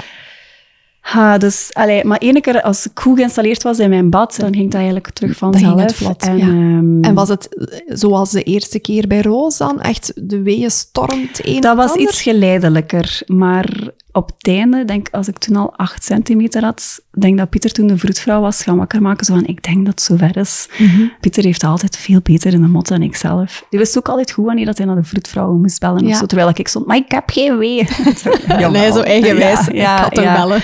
en dan, ja, ene keer die 8 centimeter. En dan had zij gebeld naar de tweede vroedvrouw. Maar ja, die heeft het niet meer gehaald. Nee, nee, nee. die stond ook voor een gesloten deur. Daarna hebben we wel het ons les geleerd en de deur op een ja. gezet. Dus, en dat was zo zalig. Die vliezen zijn ook gebroken bij haar geboorte. Dus ja. in mijn hoofd was hij zo omgeven door bloemblaadjes. Oh. Pieter zijn hoofd was iets anders. maar uh, ik weet nog dat ik uit bad stapte en ik, ja, ik had zo, ik weet dat ik voelde mij eigenlijk een koningin of zo. Ik had zo'n handdoek over mijn schouders, een pasgeboren baby ja. in mijn, die ik net zelf in mijn eigen bad had uitgeduwd. En zo twee vroedvrouwen die, die mij dan langs elke kant eruit hielpen. En, dan, en ik zei, oh, dat was leuk. Ja. Oh. En die, die schoten alle twee gigantisch in de lach. Zo van, echt waar. Wat zei je nu? Maar zo kan het dus ook, hè? Ja. ja. Oh, wauw. Ik gun elke vrouw om zich na bevalling als een koningin te voelen. En hoe fantastisch zou het zijn om je geboortepartner vol vertrouwen aan je zijde te hebben. Ongeacht waar je bevalt, helpt het echt dat je het geboorteproces snapt, dat jij je opties kent en dat jij tools aanleert om zo constructief mogelijk met je zorgverleners het gesprek aan te gaan in je zwangerschap. Om zo de bevalling en de kraamtijd zo fijn mogelijk te laten verlopen. In mijn online geboortecursus neem ik jullie van A tot Z mee in heel het geboorteproces. Daarnaast bereidt de cursus jou ook voor op de kraamperiode en de vaak toch wel stevige mentale rollercoaster waarin je terecht kan komen. Een complete wetenschappelijk onderbouwde cursus, opgedeeld in meer dan 100 korte video's met duidelijke visualisaties en voorbeelden, die jij vanuit je eigen zetel kan volgen en zo vaak als dat nodig is kan terugkijken. Een completere voorbereiding zal je niet vinden en ik durf toch wel stellen dat een goed voorbereide ouder de allermooiste cadeau is voor jouw babytje. Daarnaast heb ik ook een online borstvoedingscursus volgens hetzelfde principe. Want er is toch enige kennis nodig om een goed fundament te kunnen leggen in de eerste uren, dagen en weken van jouw kindje. Voor meer informatie klik je op de link in de show notes of via mijn website buikgewoel.be. Oh ja, ook nog dit. Als je beide cursussen samen aankoopt, dan pak je een mooie korting. Ja, en ik denk daar toen ter plekke beslist heb van vanaf nu wil ik al mijn bevallingen in bad doen. En dat is ook zo gebeurd. Ja. Dat is altijd vlot gegaan, altijd goed, altijd heel snel ook. Zeker die, ja, die laatste twee, daar had ik amper pijn. Zou ik, ja, dat is misschien wel overdreven. Ik had wel pijn, maar zo niet meer die die overheersende. Ik kon ook mijn lichaam veel beter aanvoelen. ik wist van, ik zit in die fase. Ja. ja. Ik kon heel goed voelen van, ja, ik zit in die fase nu. Ah ja, dat zijn van die goede weeën. Ah ja, nu ben ik hier centimeters aan het kweken. Allee, zo, zo van, allee, ja, ja, ja, ja. Daar is een stuk vertrouwen op volledig op mezelf. En dan bij Lot, de laatste, heb ik zelfs nooit de pijnlijkste weeën meer gehad. Dat was zo gewoon van, ja, maar nee, ik had al acht centimeter, maar nee, dat is niet waar, dat is nog niet bezig. Ik heb die harde weeën nog niet gehad. zo echt zo, ja. En Pieter toch al ja, een andere ja, vroedvrouw? Ja, ja. Dus... Um, maar ook, ja, weer bij twee van die drie thuisbevallingen was de tweede vroedvrouw te laat. En de laatste keer waren ze er met drie, voor de zekerheid. Dus, uh, Vanaf het eerste telefoontje iedereen gewoon gegaan. Ja. Wauw. Je hebt uh, tussen Sien en de derde dochter, heb je toen een, een, zwangerschapsverlies gehad of was dat tussen nummer drie en vier? Uh, nee, nee, want uh, die, die volgen heel snel op elkaar. Nee, tussen Sien en Janne. Maar daar, dat was eerder zo'n windei, of hoe noemen ze dat? Ja, dat was echt... Een ja, blighted ja, ovum. Ja, een windei, een windei, of hoe noemen ze dat? Een windei. De officiële naam is blighted ovum. In een gezonde zwangerschap heb je na de bevruchting de aanleg van de vruchtzak, de placenta, de navelstreng en een embryo. Bij een windei ontstaat er kort na de bevruchting een verkeerde celdeling, waardoor er enkel een vruchtzak wordt aangelegd zonder dat daarin een embryo groeit. Dit type zwangerschap eindigt altijd in een zwangerschapsverlies. Ik heb het er toen ook wel nog met een vriendin even over gehad van, is het oké om een miskraam om daar niet zo hard van af te zien. Mhm. Want wij, hadden alle twee een miskraam gehad. En we hadden dat, wij durfden dat zo eindelijk zo een keer uitspreken tegen elkaar. Zo van, ja, dat is gewoon... In jouw beleving, Ja, dat was, dat was weer zo'n hobbel on the road. Zo van, ja, ja. come on, hup, HCG, daal. Zodat ik verder kan... Ja, dat klinkt zo vreselijk als ik het zo uitspreek, maar... Nee, maar nee. Als, als, als dat was wat je op dat moment voelde, vind ik dat net dapper dat je dat durven uitspreken. want dat is wel... Ik was heel blij dat hij dat herkende. Wel, voilà. Dat is ook gewoon fijn dat dat voor jou ondanks dat daar uiteraard wel verdriet wel ja, ja, gepaard tuurlijk, gaat. Tuurlijk. Teleurstelling zowel ook, ja. Maar ja, dan die laatste twee. Wij hadden dan zo al iets van, uh, oh ja, bij ons duurt het toch altijd lang. En er zal wel weer een miskraam of zo tussen komen. Dus uh, ik, ik besloot om ook geen minipil te pakken. En ik was vijf maand bevallen van Janne toen ik al zwanger was van Lot. Ja. En dat bleef duren en dat bleef zitten. En dan was ik zo van, oké. Het kan dus ook Ja, zonder dat ja. daar eerst een verlies Ja. aan vooraf gaat. Ja. Ik ben gewoon heel benieuwd. Je hebt daar straks gezegd, een beetje eerder in het gesprek, eens wij zwanger waren, was dat wel echt een kindje voor ons. Ja. Dat was bij Roos toen Ja. je dat uitsprak. Die zwangerschappen die dan uiteindelijk zijn misgelopen, kon je daar dan wel zo'n stukje van distancieren van? Of beschouwde je dat toen ook wel al van, oké, we zijn zwanger, dat is ons kind hier nu, dat is niet zomaar een hoopje cellen? Ja, ik denk dat ik dat bij dat jaar dat ik Mhm. dat veel moeilijker had. Ik heb daar ook een tattoo rond laten zetten. Dat moest echt, allez, zoals iemand mij dat gezegd heeft, jij moest dat letterlijk een plaats geven. Ja, dat mocht echt Ja. mee op jouw lichaam. Ja, maar op den duur, ja, treedt er ook al een soort gewenning. Allee, dat, dat klinkt zo, zo hartloos. Nee, dat is maar zo, dat is zo oké, ja. Allee, Hier en, gaan en we ik had ook wel de bevestiging van, oké, het kan ook ja, goed het lopen. komt ook wel Ja. terug in orde. En was de zwangerschap van Janne en van Lot, was dat een zwangerschap die opnieuw wel gepaard ging met heel veel angst in de eerste trimester? Minder, minder. Ook wel sowieso die twaalf weken, zo wat onzeker, maar veel minder. Maar veel minder wel. Ja. Oké. Heb je eigenlijk bij alle meisjes een knalroze kraamperiode gehad? Wauw. Ja, enorm. Ja, echt, ja. En je zei daar juist, helemaal bij aanvang van het gesprek, van wij hadden initieel Ja. wilde droom van vijf Ja. kinderen te hebben. We hadden een Ja. grote tafel met heel veel stoelen. Was er na Lot iets van, oké, we zien wel voor dat vijfde nog? Pieter Of- die was al aan het twijfelen tussen drie en vier. Omdat, eh, ja, omdat we ook wel ons, ons deel al gehad hadden en wel wat tijd. We werden ook ouder. hè. Ik werd ook, denk na mijn 36 ook al gescreend. En hij was nog wel aan het twijfelen van, oh, gaan we misschien ook wel nog voor een vierde? Maar ja, dat, Zo was dat niet rapper dan gedacht. ja. eh, eh, ze heet ook Lot, om die reden. Het Lot eh, was er. Maar na Lot kon die wel heel duidelijk zeggen van... Oké, het is klaar. Voor, Ja. mij, voor mij is het genoeg. En ik probeerde dat wel bij die zwangerschap van Lot ook zo al wat... Van, oh, het is misschien de laatste keer en ik moet ervan genieten. Maar ik wist ook dat ik mijn eigen blaasjes aan het wijsmaken was. Want ik, ik, ik, als Pieter morgen zegt van we beginnen terug direct. ja. Maar, en dat vind ik ook een heel belangrijke, Roos, de oudste dochter, had het ook al heel moeilijk met de vierde zwangerschap. Ja. En ik vind ook wel dat ik daar rekening mee moet houden. Die is ook heel duidelijk van, nee, mama, het is genoeg. We zijn met, we zijn met veel. Ja. Het is oké. Ja. En Dus... dat komt toch even allemaal... Ja, want je, hebt, ja. je hebt Pieter die heel Ja. hard eigenlijk wel een grens aangeeft. Ja. Je hebt de Roos zelf, die tien Ja. jaar is, die, Ja. die haar mond ook open gaat Mhm. doen. Die dat ook mag, hè. Voor ja, dat- ja, ja, ja, graag tuurlijk. zelfs, Iedereen mag zijn mening. Ik vind dat wel net fijn, dat je dat ook mee in de weegschaal legt. Maar daar zit dan bij jou toch nog een klein stukje dat knaagt? Of, Ja. of, of is dat te groot? Ik heb echt zo vriendinnen die zo duidelijk kunnen zeggen van twee en het is gedaan. En ik ben jaloers dat je dat gevoel zo duidelijk hebt. Ik heb dat totaal niet. Of nog niet, dat weet ik niet. Ja. En ik vraag mij soms af, komt dat omdat ik jaren zo een beetje in die trein zat van... We moeten doorgaan, nog eentje, nog eentje. Ik wil mijn groot gezin hebben. Dat er weinig dat ruimte is geweest ja, om, om ja. stil te staan toen? Of, of om, om het andere te ja, maar dat, was dat bijna zo'n een, een- mijn, mijn wereld geworden. Allee, Ja. dat was zo zwanger zijn en dingen. Dat was allemaal super leuk, super fijn, pas bevallen, tof. Iedereen komt bij je op bezoek en, en ah, je hebt zo vers koningin. En, ja, ja, echt zo. zo dat, Allee, het is niet dat ik anders een aandachtstekort heb of zo, maar, maar dat, dat, ja, dat was gewoon... Ik was echt in mijn element, op mijn allerbest. ja.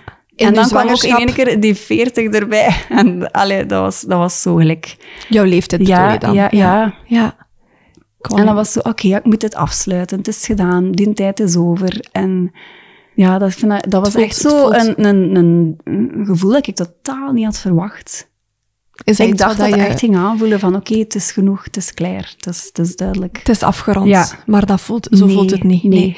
En ik, ik heb op, op consultaties ook al vrouwen gehad, in coaching dan, die inderdaad zo komen van, is er nog een... een allez, ik wil eigenlijk exploreren of dat ik nog echt een kinderwens heb. Want je kunt een zwangerschapswens hebben, je kunt een bevalwens hebben, je kunt echt zo een babywens hebben, van een platte baby. Ja. Of het is vooral van, we willen dat groot gezin, ik vind kinderen vooral leuk, die eerste fases niet.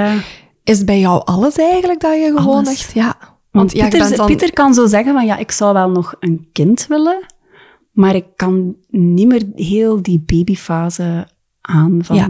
korte nachten en, en zo de moeten leren patatjes eten. Ja, dat, dat, dat, zo dat- al die eerste die stapjes en die- luiers, daar heeft hij het echt mee gehad. Terwijl, dat dat voor jou niet als een last voelde. Dat was eigenlijk ook een roze wolk toen. Ja, maar ik weet niet, ja, misschien als ik nog een vijfde zou hebben, ga ik dat gevoel wel hebben? Of moet ik tot acht, tien? Ik weet het niet. Ik wil gewoon heel, ik wil heel duidelijk voelen van, het is oké, laat het los. Ik neem nu ook de pil, ik heb daar wel wat bijwerkingen van. Ik heb superveel last van migraine, hormonale migraine ook.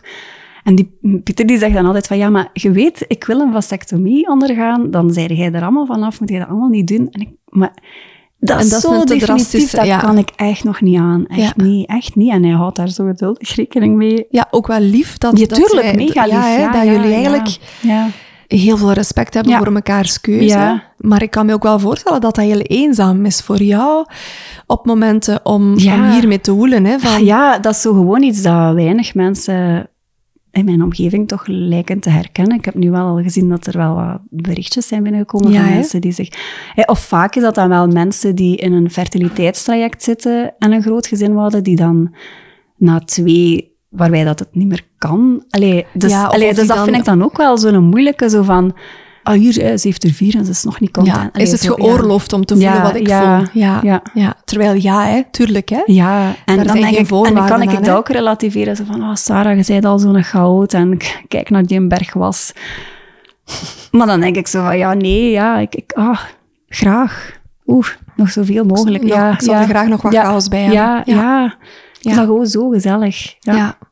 Heb je ooit gedacht om daar ondersteuning voor te zoeken, emotionele ondersteuning? Of, of zit je bijvoorbeeld... Voorlopig denk ik nog niet, omdat allee, dat beheerst ook mijn leven niet. Hè. Ehm, het is niet dat ik daar zo dagen lig te huilen. Of dat elke um, menstruatie... Nee, ik, ik, ga, ik heb wel soms zo de stiekeme hoop soms van... Het is sprongelijk. Oeh, ik ben hier van de maand mijn pil een keer een dagje vergeten. Terwijl ik eigenlijk super strikt ben en dan ook echt zo alle regels uit de gebruiksaanwijzing volg als dat voorvalt.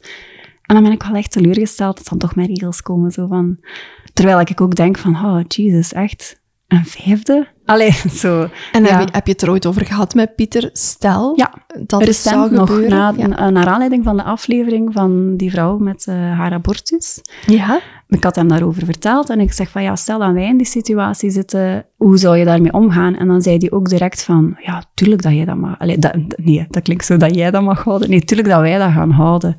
Nee, dat was voor hem, oeh, dat was zelfs geen optie. Ja. zeg, want ja, ik vertelde geld, verwacht jij dat van mij? Of zeg je van, ik kan dat echt niet meer aan? Mhm.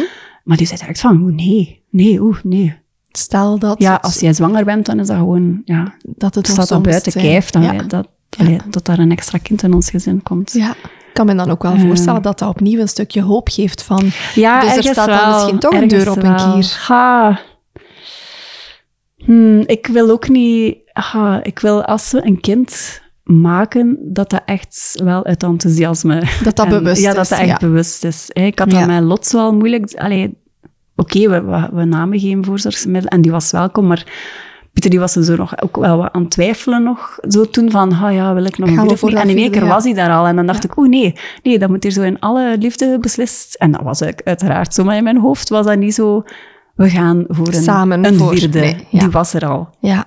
Dus allee, het is niet dat ik, allee, als ik hem zou willen liggen hebben of zo, nee, dat zou ik ook mentaal gewoon totaal niet aan kunnen. Nee. Ik, allee. ik ga een rare vraag stellen. ik ben benieuwd. ik denk dat dat een vraag is die misschien sommige luisteraars ook wel in hun hoofd kunnen hebben. Je hebt vier dochters. Ja is ook dat iets wat meespeelt? Van benieuwd zijn naar, stel dat er een vijfde komt en dat is een jongen, ik zou dat ook misschien wel willen meemaken, of, of speelt dat voor jou totaal niet mee? Ik denk dat ik dat al wat vroeger heb opgegeven. Ik denk dat dat zo bij nummer drie of zo, alleen nummer drie, bij Janne, dat dat toen wel al was van oké. Je wist, het wordt ja, een meisje. Ja, en dat is zo van, oh ja, ik ben wel heel benieuwd naar een jongen. En ik denk dat dat voor Pieter ook wel misschien leuk moet zijn. Maar dan voor de vierde was ik heel content dat dat ook terug een meisje was. En stel dat er een vijfde ooit nog zou komen, denk ik ook wel dat dat raar zou zijn als er een jongen... Ik weet niks van babyjongens. Geef mij maar gewoon een vertrouwd... Uh, Meisje, want dat ja, je. Ja, dat is, ja, maar ik ben daar wel heel benieuwd naar, uiteraard. Maar, maar, maar dat is niet iets wat dat mee in drijfveer. Ik heb wel supermooie jongensnamen. Maar ja, zelfs ons poezen zijn vrouwelijk, dus ik kan ze echt aan niemand geven. Stel dat het nu inderdaad bij deze vier kindjes hier blijft. Ja, maar dat is ook, uh, waarschijnlijk ook wel. Ja, ik ben ook al 40 jaar, daar hou ik toch ook wel rekening mee. Dat speelt mee voor jou. Pieter is ook, al 44, ja. dus uh, ja. Ja. Hoe zie je zo zelf naar de toekomst toe? Welk plekje wil je dat stukje dat mogelijk niet afgerond is, welk plekje mag dat krijgen in jouw leven? Oh, ik weet dat niet. Ja, ik, ik denk dat ik eigenlijk wel gewoon mijn polletjes mag kussen, dat ondanks alle miserie, dat wij toch gezegend zijn met een groot gezin. En ik denk dat dat al iets is dat ik super dankbaar voor ben, ja. um, sowieso. En ik heb mijn peuters elke dag, wil ik mijn, mijn moederlijke gevoelens ook nog op ja. uh, kan projecteren. Als peuter, dus, ja. ja. tuurlijk. ja, dus uh, ja, ik kan moederen zoveel dat ik wil. Uh. Ja, ik vind het toch super dapper, Sarah, dat jij je verhaal wel wilt doen. Want ja, zoals hij zelf ook al, al aangaf, dat is een moeilijke, zeker in onze maatschappij, in onze samenleving. Het is een moeilijke om uit te durven spreken dat er een grote kinderwens is. En als die kinderwens voor de buitenwereld al ruim genoeg ingevuld lijkt, om dan inderdaad nog ergens te voelen van, mm, maar er had eigenlijk nog wel eentje of, of twee of ja. drie bijgemogen. Ja. Dus ik vind dat wel dapper. Ik wil jou daar ook voor bedanken. Dat is graag gedaan. ik had gisteren inderdaad op Instagram ook een sticker gemaakt en er zijn heel veel mensen die reageerden en die het heel hard, ja, die het heel hard herkennen ook. Ja, ook in mijn, uh, op mijn Instagram, ik had het dan gedeeld, waren er ook al een paar mensen die zo gereageerd hadden ja, doe mij toch wel deugd dat ik daar niet alleen in ben. Um, ja, en gewoon een validatie voor wat ja. jij voelt. En dat is ook een stukje rouw. Want dat wordt heel vaak zo weggelachen. Hè? Zo mhm. van, oh, maar ja, Goed, je hebt er al vier gezegd, zot. Of zo, ja. ja of zo, hier ons moederkluk. Of... Ja. En dan, we, we hebben op, op het werk dan ook zo van, uh, en mijn collega's zijn ook allemaal gemiddeld 15 jaar jonger dan mij. Zo van dat ik wel draagmoeder zal zijn als het bij hen niet lukt. Ja. Zodat ik toch wel... Maar dat is zo een mopje. Maar ja, mopjes zijn leuk, maar ik zit soms ook wel echt gewoon met dat het gevoel. Wel, ja, het kan ook wel... ik, ik maak zelf veel moppen en, en dat is wel, humor is wel mijn ding om alles te relativeren. Maar ja, ja, het wordt echt vaak weggelachen. Ook in het begin toen wij zeiden dat wij er vijf willen. Van ja, wacht maar ja. totdat je er eentje hebt. Of wacht maar tot die een tweede er is. Of wacht maar. Ik wacht nog altijd. En ik vind het nog altijd leuk om er veel te hebben. Ja. En ik zal het ook altijd verkondigen. Het is echt gezellig. Tuurlijk slaan die elkaar af en toe de kop in. En tuurlijk brul ik een keer alles bij elkaar. En tuurlijk huil ik ook eens van, holy shit, wat voor een dag was dit. Ja. Maar ja, dat is maar een dag. Overal... Er zijn er 365 op een jaar. Dus ja, uh, ja overal vind ik het nog altijd mega vrolijk, gezellig ja. aan te raden. Ik ben dan benieuwd, de piste van bijvoorbeeld pleegouders zijn. Daar hebben wij ook al over. Ja, ja uh, want ik denk dat ik wel gezegend ga zijn met een gigantisch lege nest-syndroom als die ooit allemaal uitvliegen. En dat hebben we ook al Allee, omdat we toen ooit die piste al een keer uh, in ons hoofd hadden, omdat wij ook wel uh, iemand kennen die daarmee bezig is, dat we daar af en toe ook wel met praten, ook de mindere kanten, de mm -hmm. donkere kanten daarvan horen.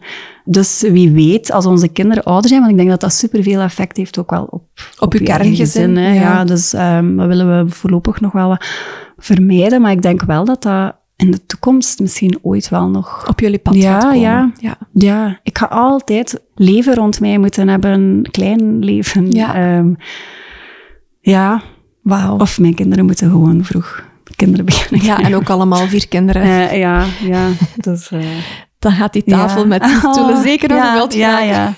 ja, ja, ik weet dat niet. Ja, ik vind, uh, ja, kijk. Ik adem kinderen of zo. Ja. Ja. ja. en ik kan me voorstellen dat daar ook rouw mee gepaard gaat.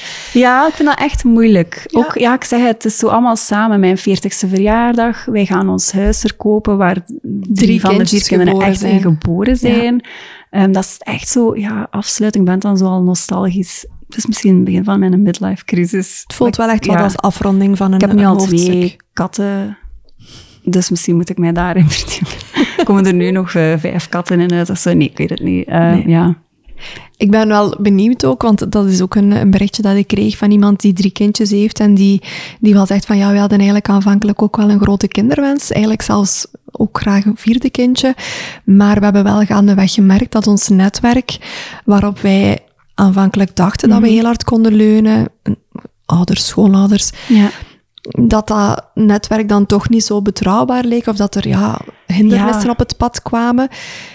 Is dat iets wat je ook wel... Allee, ik ik, hoop of ik veronderstel ook wel dat je een netwerk rondom jullie hebt om dit mee. Want, ja, wij zijn van Antwerpen terug verhuisd naar mijn geboortedorp. Hè, dus ook dicht bij mijn ouders. Onze ouders zijn ook allemaal op pensioen. Dus ja. Allee, ja, Pieter zijn ouders die wonen dan in het Antwerpse eerder. Maar ja, je merkt wel, ja, een babysit zoeken voor vier is... Moeilijker, hè? Moeilijker. Maar, zoals ik al zei, ik ben de oudste van 22 kleinkinderen. Dus voor alle kinderen waarop ik heb gebabysit, die zijn nu ook allemaal groot genoeg om op mijn kinderen te babysitten. Ah, zalig. Dank u, Lenka en Febe. en uh, mijn moeder, die komt ook regelmatig. Want ik vind het soms makkelijker dat er iemand bij ons thuis komt dan dat ik die alle vier bij mijn moeder ja, ja, ja. of zo. Of we, of, of we, splitsen ze de twee kleintjes daar en de twee grote daar. Ja, dan mag ik echt met, ook mijn polletjes met kussen, dat wij dat zo goed kunnen regelen. Anderzijds regelen wij, richten wij ons leven ook zo. Mijn kinderen zijn bijvoorbeeld ook nog nooit naar voor- of naschoolse opvang geweest. Zo die dingen, wij, wij richten... We kunnen onszelf daar ook zo wat...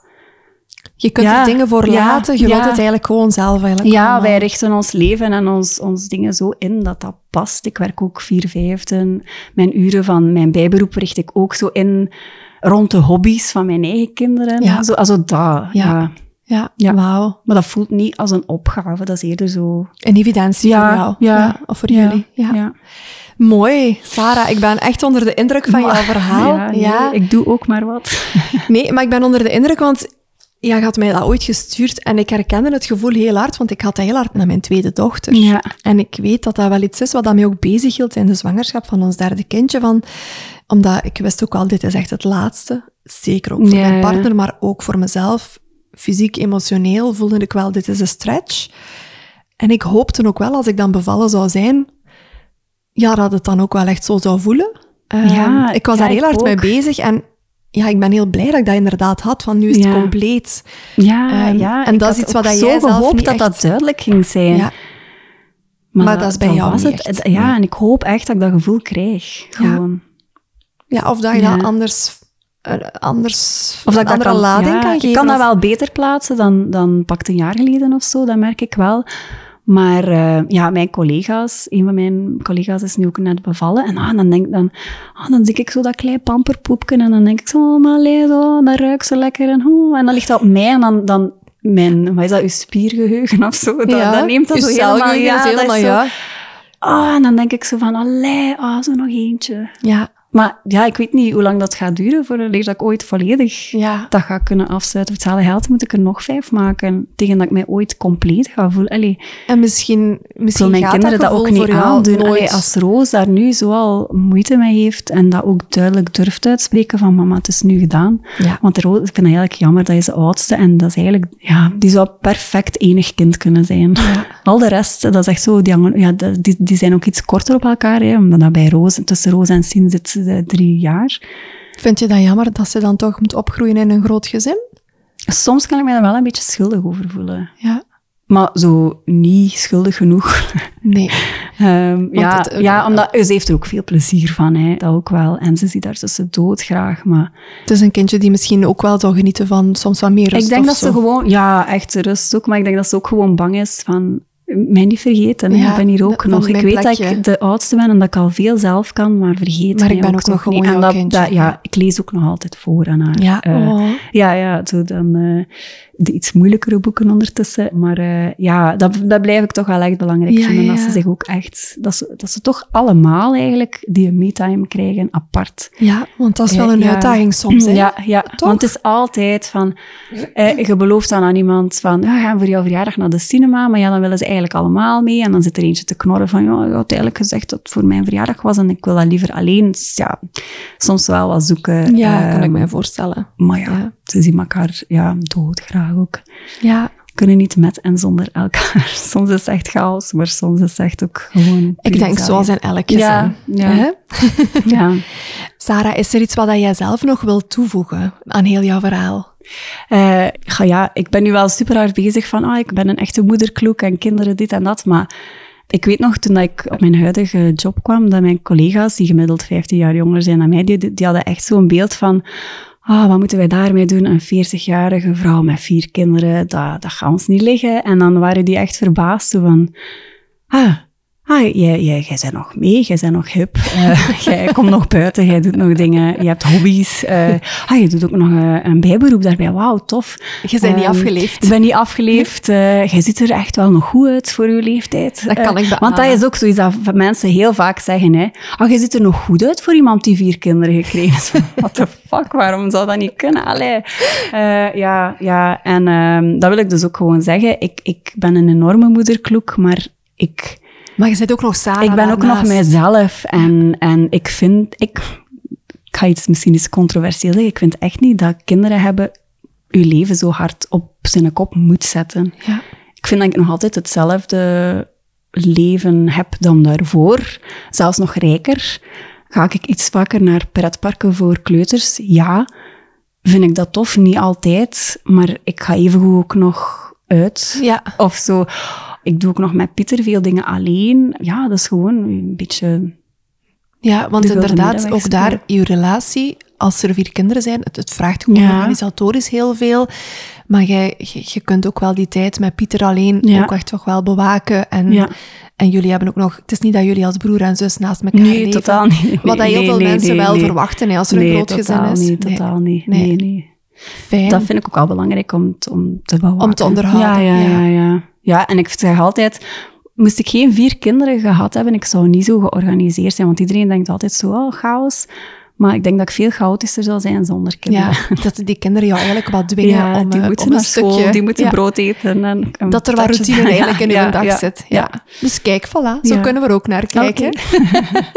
ik vind dat wel nog een mooie toevoeging. En ik kan het beamen, er zit hier een hele frisse, mooie, jonge vrouw voor mij. dus uh, fijn dat je dat ook echt wel benoemt, want ik ja, denk dat ja, veel want, mensen dat ja, idee hebben Ik vraag van... mij dan wel af, allee, zo, ja, dat, mijn collega's ook zo... Ja, van welk beeld hadden jullie dan Ja. van een vrouw van 40 met vier kinderen? eh, zoiets afgeleefd of zo? Maar kijk, Ja, je hebt een blik ook voor hem, denk ik. Dus dat, dus ik doe mijn best. Voilà.